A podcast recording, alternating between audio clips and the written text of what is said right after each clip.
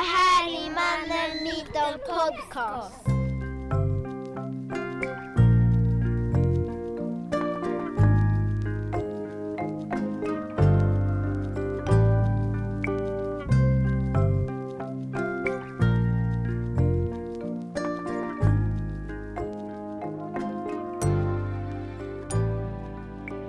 Det här är Mannen Myten Podcast. En serie som totalt nördar in sig i manlighet. Är den manliga Terminator-arketypen bara en myt? Och i så fall, hur förhåller sig olika grupper av män till den? I den här podden lyssnar vi på mäns berättelser. Med hjälp av de smartaste tänkarna vrider och vänder vi på mäns erfarenheter och försöker förstå sambandet mellan det personliga och det strukturella. Målet är att hitta nya perspektiv så att vi kan komma framåt och förändra manligheten till det bättre för fler. Jag heter Shaba Ahmadian och är den ena av två programledare. Och jag, Svante Tidholm, är den andra. Vi är en del av Arvsfondsprojektet Mannen Myten, organisationen Män. För jämställdhet och mot våld.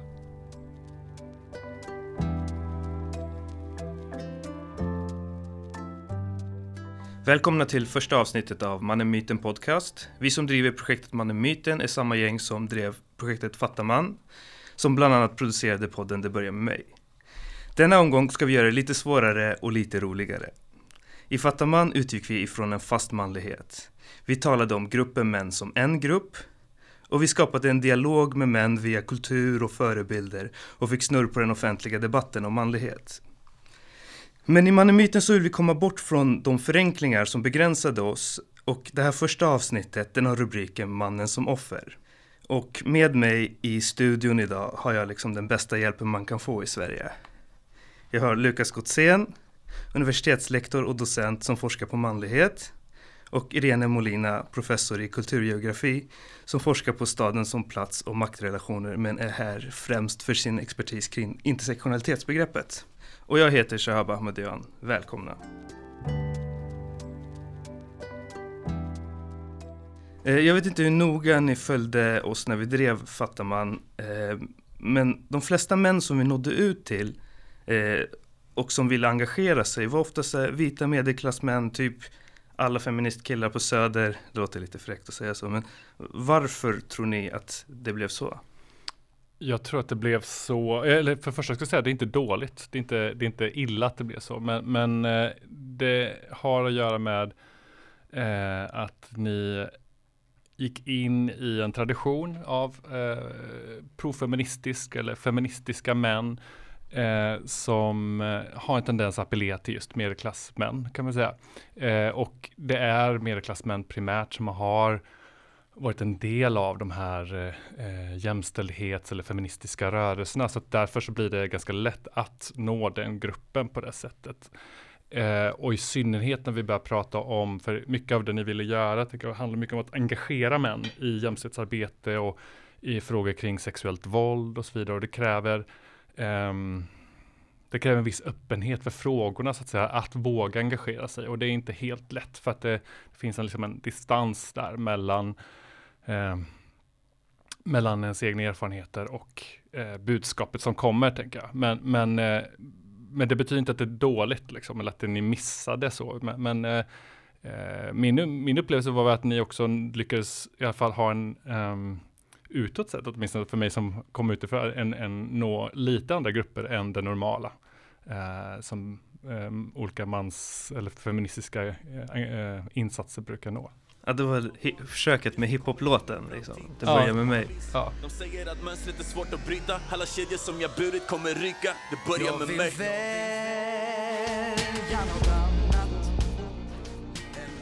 ja, Men fick ni ingen respons från, eh, från folk i orten eller andra rasifierade människor alls?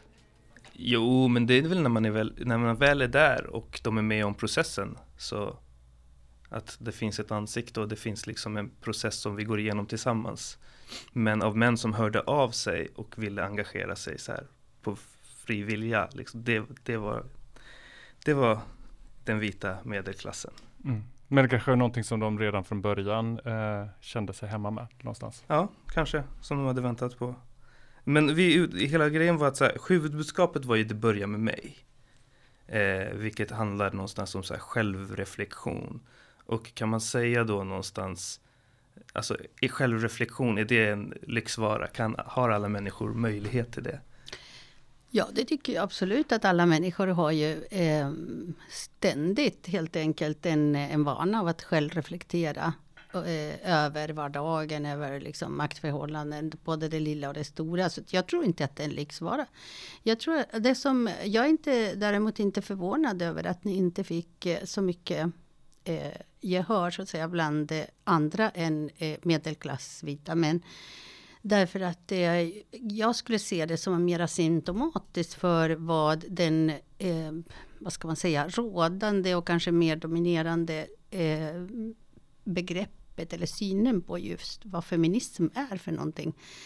Och jag tror att det, det finns många feminism, feminismer naturligtvis, men den, den, kanske den som eh, de flesta associerar feminismen med är den jämställdhetsbaserade feminismen. Alltså som är ganska, jag skulle säga lite provocerande att den är ganska bipolär. För att den, den, den är, eh, alltså jämställdheten handlar, det är ju ett bra politiskt projekt naturligtvis. Men, men som feministiskt projekt är ju en väldigt begränsad eh, uppfattning på vad jämlikhet eh, mellan könen är. För att könen är ju inte bara män och kvinnor till att börja med. Men också för att projektet jämställdhet har och eh, är och alltid har varit egentligen en medelklass, eh, svensk vit medelklass eh, projekt. Så att eh, jag tror att det är lika problematiskt att ni inte nådde eh, rasifierade män. Eller, eller killar i förorter. Eh, eh, är också att eh, ni inte nådde arbetarklassvita män till exempel. De, de män som vi fick med oss då, eh, om vi fokuserar lite på dem. Eh, feministkillen, vad tjänar de på att vara med?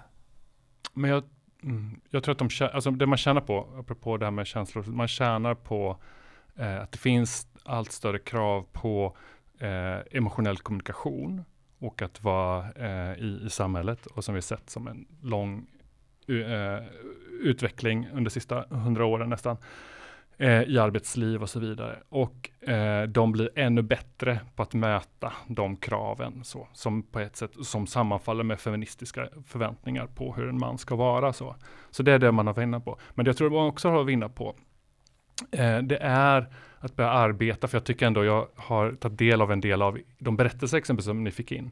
Och det jag ser där är mycket att man känner skam över sexuellt våld och sådana här saker och sitt eget våld. Men man också på riktigt försöker kämpa med de där frågorna och förändras. Och, så. och jag tror att det har de, eh, både de som skickar in berättelser och de ni har nått och som vet engagera sig på olika sätt har att vinna på att det ändå handlar om inte bara en slags läpparnas bekännelse utan det handlar om en sann förändring av attityder av, eh, eh kring, eh, och beteenden kring exempelvis sexualitet som ju var en eh, huvudfråga för Okay, om jag tänker så här, utifrån där jag kommer ifrån någonstans. Att så här, ja, men jag kommer från att inte ha haft så mycket när jag växte upp. Jag kommer från en så här förortsmiljö.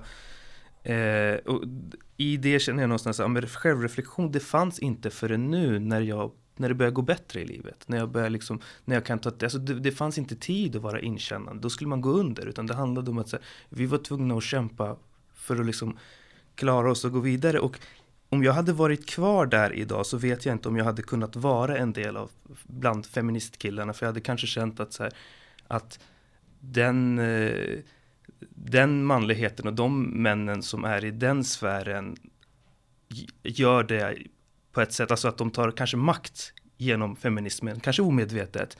Men också så att det, det skulle vara, känslan skulle vara inom mig då att de är finare än mig. Och de, de säger så att det, det de, de säger att de har kommit på vissa saker och att det är jag som inte har, är riktigt där än. Eller, vad, vad tänker du om det? Ja, alltså jag, jag tror att det är... Um, ja, alltså det är inte, problemet är inte riktigt att man inte har tid och ork till självreflektion. Men däremot att man har andra prioriteringar när man sitter i en situation där det mest basala, alltså de grundläggande saker som är en självklarhet för en, en vit medelklassperson så att säga, saknas. Och det kan vara, det kan vara allt ifrån eh, materiella saker men alltså också eh, respekt av samhället, acceptans, eh, eh, tron i, på framtiden till exempel. Och eh, självklart så, så gör alla de här bristerna Eh, i, vi, vi lever i ett samhälle som är otroligt extremt så att säga eh, ojämnt fördelat. Där privilegierna är väldigt ojämnt fördelade. Så att vi vet att sånt finns. Alltså de här bristerna finns hos en del av befolkningen, eh, män och kvinnor. Men, eh, och det gör naturligtvis att eh, prioriteringsskalan ser annorlunda ut för olika människor. Eh, allt som är till exempel som man kan skjuta in i framtiden. Som till exempel, okej okay, hur ska jag bli när jag blir förälder? En, en väldigt grundläggande sak tror jag. Ehm, självklart skjuter man upp i framtiden om det inte är en akut akut problem, i en akut situation som jag måste eh, eh, lösa. Men, men därmed inte sagt att du Shaban till exempel inte skulle ha reflekterat över din föräldraroll, din papparoll så att säga. Eh, även om du hade fortsatt att bo i förorten, även om du hade fortsatt liksom att, att, att vara fattig eller, eller liksom ha eh, alla de här bristerna så att säga.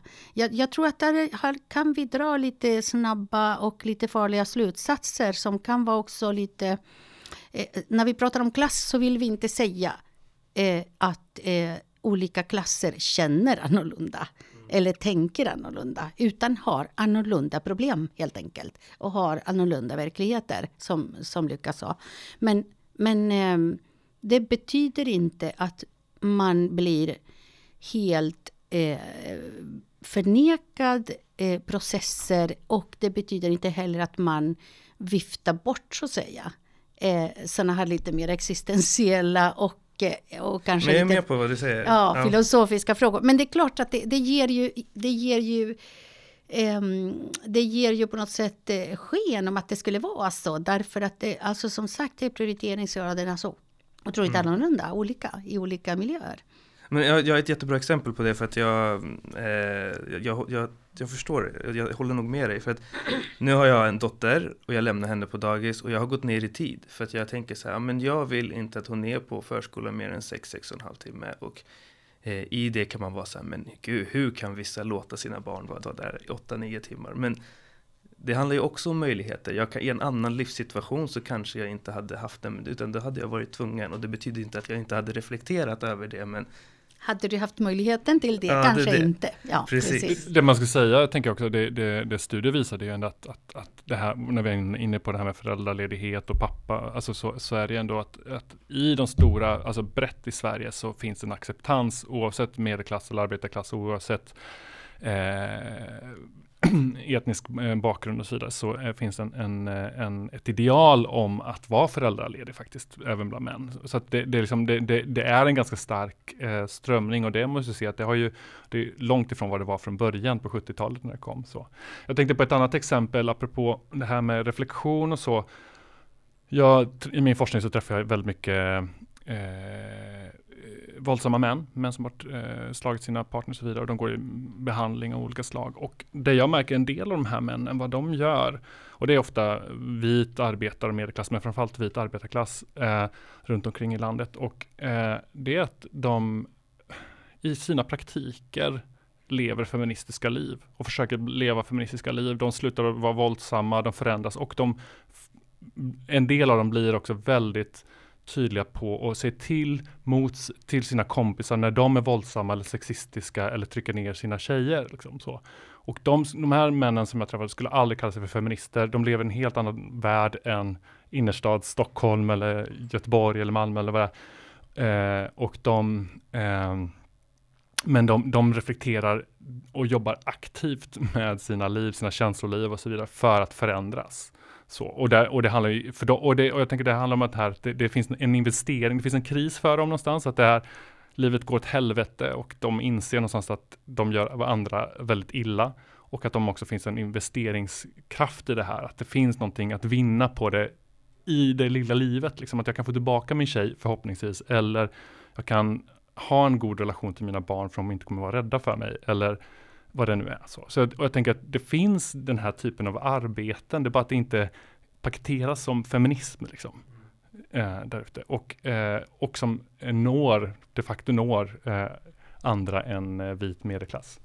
Vi ska fortsätta spåna på det här. Vi går vidare i det, här. det lilla mot det stora. Lite så här min verklighet, mina erfarenheter mot världen där ute och hur det ser ut. Jag har en story. Och det häromdagen så då hade jag så min första möte på förskolan med personalen. När man ska liksom, min, min dotter är ett och ett halvt och jag vet inte riktigt vad man ska förvänta sig. Men jag såg fram emot det och jag tänkte jag kanske får höra hur min dotter har det, hur de arbetar, kanske själv får möjligheten att berätta så här, vad som är viktigt för mig som förälder.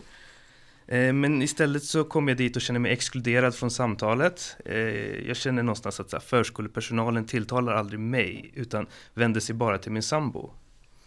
Eh, och jag menar, det är jag som skolade in min dotter. Det är jag som lämnar fem dagar i veckan, alla dagar i veckan så är det jag som klär på min dotter, håller min dotter i handen, lämnar över henne till dig på morgonen och oftast är det jag som hämtar också. Men när vi väl liksom ska prata så tittar du inte ens åt mitt håll och i det liksom kanske jag kände mig manskränkt. Och tänker jag vad tänker ni kring min historia? Var det för att jag är man och har jag rätt att känna mig sårad i situationen? Um, jag tror att det beror mycket på vem den här mannen är förstås, så hur den här läraren ser den personen. Men, eh, men jag tror att det är en eh, jag tror att det är en berättigad, väldigt berättigad känsla av osynliggörande liksom, och någon typ av exkludering från den här gemenskapen som är föräldrar, barn och lärare och skola och sådär, dagis det, eh, jag, jag, vill gärna knyta an det till det jag sa tidigare om arbetsmarknaden. Eh, alltså den här reproduktiva sfären som är skola och eh, utbildning överhuvudtaget och, och liksom, eh, eh omsorg av barn. Ehm, Utgår ifrån att det finns att det här är en, en kvinnlig värld. Vilket är en, en ganska absurd tanke. Självklart är det inte en kvinnlig värld, liksom en kvinnlig sak att skaffa barn och uppfostra barn och liksom eh, ta hand om eh, familjen och barnen och så vidare. Det är ingen kvinnlig sak och det vet vi alla. Och det, är jämställdhetsprojektet säger hela tiden att men män måste ta mer ansvar och, liksom, och, och ha, eh, vi måste ha fler pappalediga lediga, lediga timmar och sånt där. Men i praktiken så finns inte alls någon förändring i, i attityderna. Och jag, jag har sett många sådana exempel på andra, i andra sfärer. Eh, ett, en som, jag, som gjorde mig väldigt chockad för några år sedan. Eh, det var när jag på grund av att min son nämligen separerade från eh, mamman till eh, hans barn fick eh, komma i kontakt väldigt mycket med sociala, eh, sociala liksom, myndigheter och eh, socialsekreterare. Alltså jag blev ju chockad över vilken bild de har av män och särskilda män med utländsk bakgrund. Alltså man eh, kriminaliseras på alltså på, på ingången. Liksom. Innan man, man sätter en fot liksom, i, i byggnaden så är man redan liksom, våldsam, kriminell, liksom, eh, eh benägen till allt möjligt. Allt möjligt, alltså eh, drogmissbruk och alla möjliga saker som man kan tänka sig. Så, så alltså, hur kan det vara möjligt i dagens Sverige att eh, män kan, bara för att de är män och särskilt män med utländsk bakgrund, eh, bemötas på det där otroligt liksom stigmatiserade och misstänksamma sättet hela tiden. Så jag tror att det finns ganska starkt fog för den här känslan och det är ett problem som vi måste ju fundera mm. över. Vi kommer tillbaka till det där med liksom så här hela icke-vit och alla de Tänkte, om vi bara tänker så här, män generellt nu då och tänker liksom så här, men att män generellt känner att det finns ett manshat där ute, kanske känner sig att de är i någon form av så offerskap, Eh, och att så här, i min situation här till exempel så här, finns det en risk för att jag tappar förståelse för liksom så här, det strukturella, hur liksom, eh, pappor är överlag liksom gentemot min situation som kanske har skapat det här, alltså det sättet att se på mig, även om jag bryter mot det kanske. Men jag tänker att det, utmaningen handlar väl om att ha de där två bollarna i luften samtidigt. Jag tänker att det finns många, både som rasifierade män, och, men också som vita arbetar medelklassmän, eh, upplever de facto eh, utanförskap exempelvis om vi, om vi pratar om familjelivet, om vi pratar om, om, om eh, föräldraskapet så finns det liksom en, en sån känsla ofta så och som har med massa olika saker att göra som Irena varit inne på.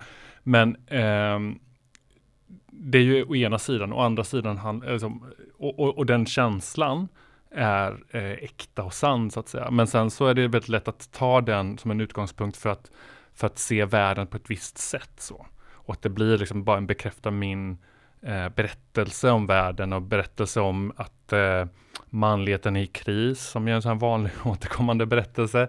Eller att, eh, ja men du vet, så här, alltså skola, att pojkar, det går sämre för pojkar i skolan för, eh, än tjejer exempelvis. Alltså det finns ett antal sådana där saker som, som gärna reproducerar den här bilden så.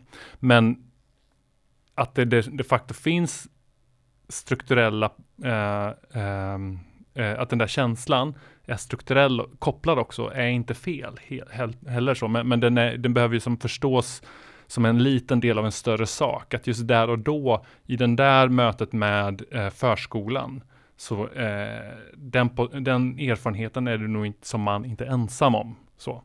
Eh, och vi har exempel från eh, mödravården, från eh, socialtjänsten och så vidare som, som, som är liknar det där. Så. Men det, eh, men det betyder inte att män generellt som har en, en slags underordning, så, utan det, man måste se på båda två samtidigt, både den här individen och det stora eh, sammanhanget samtidigt. Men är det, vad är det för skillnad på liksom att, att vara offer och att känna sig som offer? Jag tänker att, um, att det är två olika saker förstås och någon slags objektiv um, uh, situation, eh, det vill säga att du, att du är någon slags förlorare och allt det där i någon mening, alltså i ett, ett, samhälle som stort är en sak och vad du är och din erfarenhet är något annat. Samtidigt så tänker jag att, och de ibland går ihop, men vare sig de går ihop eller inte, så tänker jag att den eh, känsla som många män upp, ehm, eh, upplever och Eh, kan ta sig uttryck i antifeminism exempelvis eller rasism och så vidare måste tas på allvar liksom, eh, från oss andra. Så. Och att det, är, måste få, det, måste få vara en, en berättigad känsla till en viss punkt i alla fall. Och det måste få, vi måste våga diskutera den upplevelsen. Så. Eh, för att den, eh, för jag tror att stänger man till det där och jag tror att en del, eh, dilemmorna i, eh, i vårt samhälle idag med de olika kraftiga rörelser Eh, som, jag har nämnt två då, rasism och antifeminism, att säga. men även som islami, alltså, um, radikalisering av, eh, av, eh, av, inte minst av, av, islam och så vidare, eh, har att göra med den där känslan att man, man, man känner sig utanför, man känner sig inte lyssnad på och eh, man har inte ens rätt till att få känna det där. Så. Och, sen, och det är först när vi liksom lyfter upp den där frågan och lyssnar på den och tar den på allvar och vågar tampas med den. Eh, och den är ganska obekväm. Så jag upplever att för mig själv är den väldigt obekväm, men jag tänker att det, där någonstans så bör vi kanske ett sätt att nå den typen, den gruppen. Alltså. Men Lukas, det här med att vi ändå måste se den formen av eh, utanförskap eller liksom så erkänna den formen av eh, offerskap som många män känner. Finns det inte en risk i det? Liksom, att vi bekräftar kanske så här ett dåligt beteende många gånger. Absolut, det finns jättemycket risk med det. Eh, och eh, jag tror att man måste göra det väldigt försiktigt. Jag, och, jag, och, och det, jag har inget färdigt svar på det, här, men för mig som forskare så handlar det om att undersöka vad de här grupperna av män på riktigt säger så, och gå bortom eh, den här ganska stereotypa bilden av dem det rena. Så det, men, men, men, om vi tänker oss på en annan plan så, så handlar det om att börja lyssna på de här rösterna och skapa eh, schyssta rum så att säga, men, men som där, där, de här frågorna får, får lyftas upp. Och jag tänker ett sånt är ju ett sånt sätt att göra det, att utgå från den egna erfarenheten. Men samtidigt också lyfta, ja, det, alltså det du försöker lyfta på är bara, ah, min erfarenhet från förskolan, kontra de strukturella villkoren. Det är den kopplingen som är svår att göra och när man känner sig som ett, som ett offer så ser man vissa andra strukturella villkor där jag är offer hela tiden och det handlar om att ta upp den där känslan av offerskap men att synliggöra de här andra sakerna också och andra situationer och sen bygga utifrån det, tänker jag. Och det är här det intersektionella perspektivet blir så viktigt någonstans, tänker jag. Och vi, vi har liksom nämnt det några gånger, jag tänker att vi går igenom det lite mer vad det innebär, men jag tänker mycket att det handlar om att så här, men man kan stå på olika stolar samtidigt. Du kan ha makt i ett rum samtidigt som du kan vara maktlös i ett annat. Jag kan dra ett exempel från bara min arbetsplats en gång så delade vi upp oss och så, så sa vi så här, nu ska vi prata, männen ska sitta tillsammans och prata och kvinnorna ska prata och vi män ska liksom prata om på vilka sätt vi tar för oss av, eh, liksom på kvinnors bekostnad på den här arbetsplatsen. Där jag kände så här, men som enda icke-vit man i det här rummet så vill jag inte vara med i det här samtalet. För jag kände någonstans att men jag jobbar fortfarande på att våga ta plats i vita rum, i vita sammanhang. Jag tillhör inte er. Jag tillhör, jag kan inte bidra till patriarkala strukturer i detta rum. Inte i samhället i stort, men här i detta rum. Eh, är det ett bra exempel? På... Ja, det är ett väldigt bra exempel tycker jag. För att det är, eh, jag skulle säga att eh, alltså, det, från den erfarenheten så, så är det, det mest konstruktiva är att ta ett steg uppåt till det strukturella så att säga. Och det är precis det du gjorde i den reflektionen. Eh, det är inte det här vita rummet just där vi sitter bara, utan det vita rummet i stort så att säga. Där eh, finns det ju en massa liksom eh, exkluderande mekanismer. Det finns koder och det finns en massa saker som gör att, eh, att du kan känna dig är, är accepterad eller inte, som en del av det eller inte. Men det, det, finns egentligen inte i det där lilla vita rummet, utan i det, det stora samhälleliga vita rummet, så att säga, som exkluderar eh, stort. Och det, eh, om man ska eh, eh, ta det där exemplet för att försöka förstå vad intersektionalitet är och betyder, eh, så skulle jag vilja säga att eh, intersektionalitet är ett, ett politiskt redskap. Det är ett instrument. Alltså det, är ju, det är klart att det har utvecklats till att bli eh, till att få en ganska stor och viktig teoretisk eh, eh, kan man säga, ram för att förstå samhället och förstå väldigt mycket av makten eh, i samhället. Eh, men det är ju ett politiskt instrument och, och som det, liksom, det kan ju, eh, om vi ser med just sådana exempel och massor med andra som vi kanske bär med oss från vardagen. Eh, vi ser att just de här systemen av förtryck, av olika former av förtryck, livnär varandra. Liksom. Alltså kapitalismen livnär sig av rasismen och av sexismen. Alltså det finns ju eh, enorma vinster i pengar så att säga eh, att göra eh, eh över en, en, exploatering av den kvinnliga kroppen, en exploatering, överexploatering av de rasifierade kropparna och liksom alla intersektioner reflektioner däremellan. Så att jag tror att det är, det är där man måste försöka använda sig av det intersektionella perspektivet. Det hjälper däremot inte för att eh, sätta sig eh, som individ och säga att ah, jag är ju kvinna och jag är också medelklass och jag är ju rasifierad och sådär. Eh, alltså där kommer man inte man kommer inte vidare med den typen av reflektioner och självreflektioner därför att de kategorier som vi ingår Eh, i, i det sexistiska, patriarkala och rasistiska kapitalistiska samhälle som vi lever i. De kategorierna är inga identiteter som vi väljer, utan de är ju påklistrade. Jag, jag, är, jag är inte kvinna för att jag identifierar mig med det kvinnliga, liksom, eh, mm, utopin, alltså definitionen av kvinnor eh, i en manlig och eh, patriarkalt värld. Jag är kvinna därför att samhället i sin his långa historiska förlopp och liksom konfiguration av maktrelationer har bestämt att jag ska kallas kvinna. Och, och därmed så att säga eh, ingå i alla de här andra eh, eh vad heter det, kategoriseringar som kvinnor ingår i. Och samma sak, alltså jag är inte invandrare. Självklart är jag inte invandrare. Det är en idioti. Alltså jag är ju, jag är ju bara en person. Liksom. Och jag är inte heller liksom medelklass. Jag kan ju är det också kontextuellt beroende och det kan förändras väldigt, väldigt snabbt. Jag kan bli supersjuk imorgon och inte ha liksom, eh, eh, vad heter det, försäkring, sjukförsäkringen kvar efter några månader och sådär. Så, att, så att alla de här kategorierna, alla de här identiteterna påklistras oss. Det är ju fel att liksom fästa sig vid dem. Eh, det är farligt att göra det.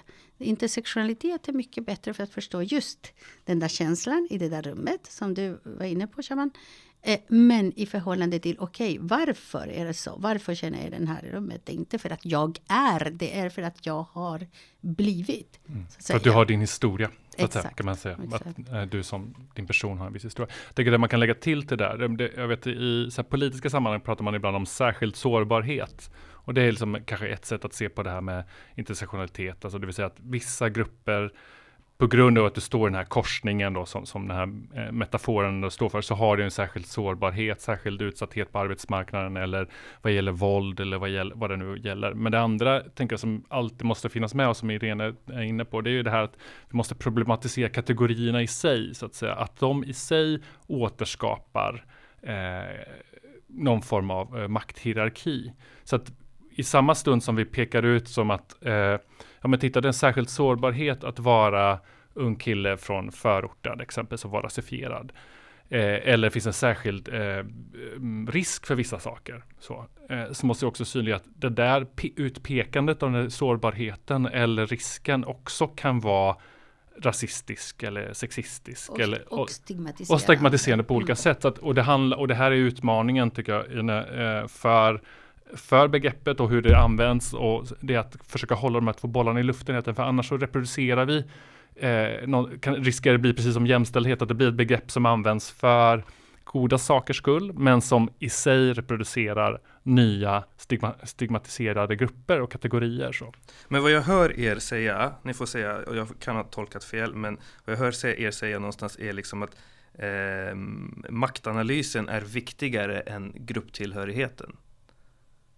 Förstår ni vad jag menar? Ja, alltså jag, jag, skulle absolut säga att det är så. Maktanalysen är viktigare än grupptillhörigheten därför att grupptillhörigheten är påklistrad och påhittat och, och dessutom...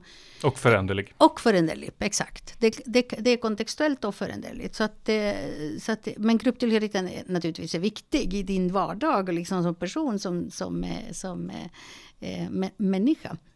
Men det är spännande just den grejen, att det är flytande och därför måste man hela tiden ha en maktanalys, att det handlar om så här, vem är jag i min roll just här och nu i det här rummet? Alltså så både i det stora och det lilla, hela tiden så här mikro mot makroperspektivet. Det är ganska höga krav att ha på medelmänniskan där ute, eller vad man ska, eller vad, vad, tänker ni? Kan man liksom applicera det här på ett sätt så, så att det blir begripligt? Ja, alltså min erfarenhet när jag var i, i när jag suttit där, exempelvis satt i en statlig utredning för några år sedan, det var, och jag försökte införa det här för att just att undvika eh, den här stigmatiseringen och som en modell. Och det, så fick jag ett nej, liksom, att det finns en rädsla, istället vill man prata om mångfald och särskilt sårbara grupper och så vidare. Eh, men samtidigt ska man inte, ska man inte glömma att, att begreppet kommer, och det vet jag redan mycket bättre än mig, men kommer från erfarenheter inom, inte minst så här, eh, mm, eh, amerikansk svart feminism av eh, de facto erfarenheter av i rättsväsendet där man, där man hamnar mellan stolarna. Det in, handlar inte om att stå på olika stolar utan det handlar om att många hamnar mellan stolarna.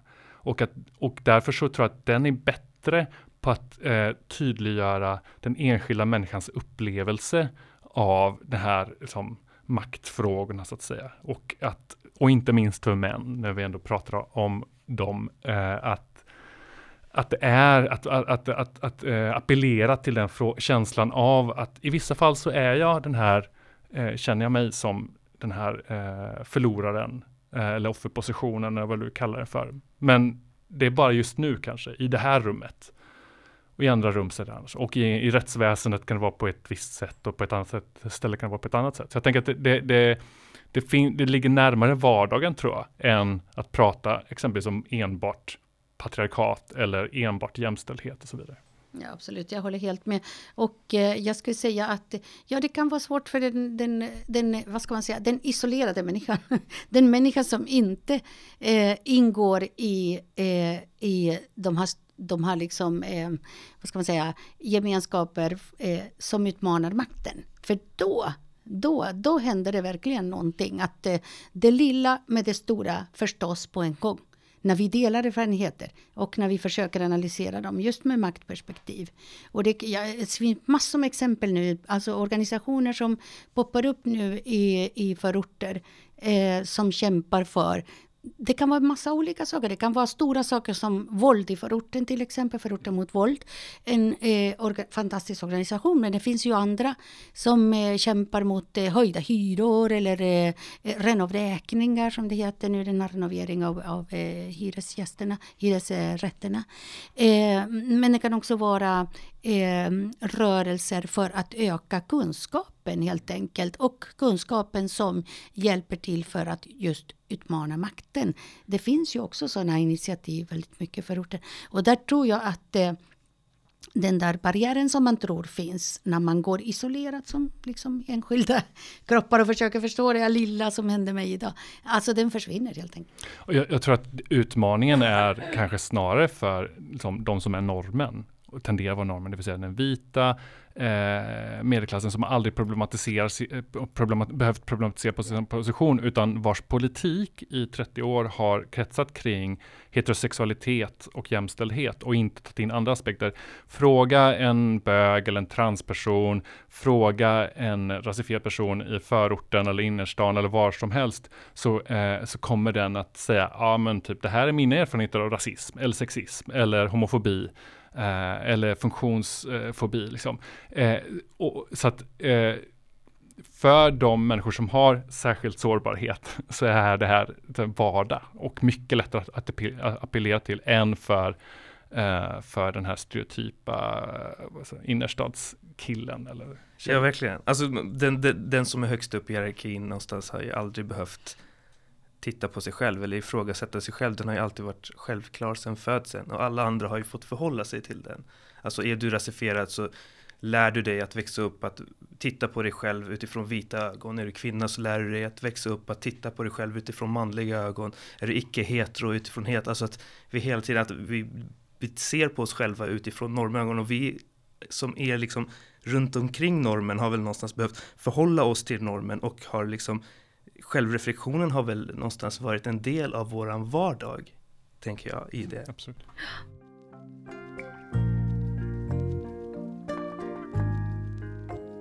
Tack så mycket. Tack för alla kloka ord, Irene Molina och Lukas Gotzén. Jag heter Shaba Ahmadian och ni har lyssnat på Mannen Myten Podcast.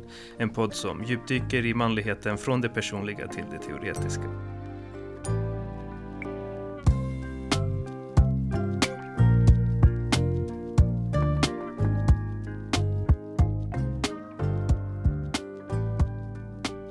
Du har lyssnat på ett avsnitt av Mannen Myten Podcast.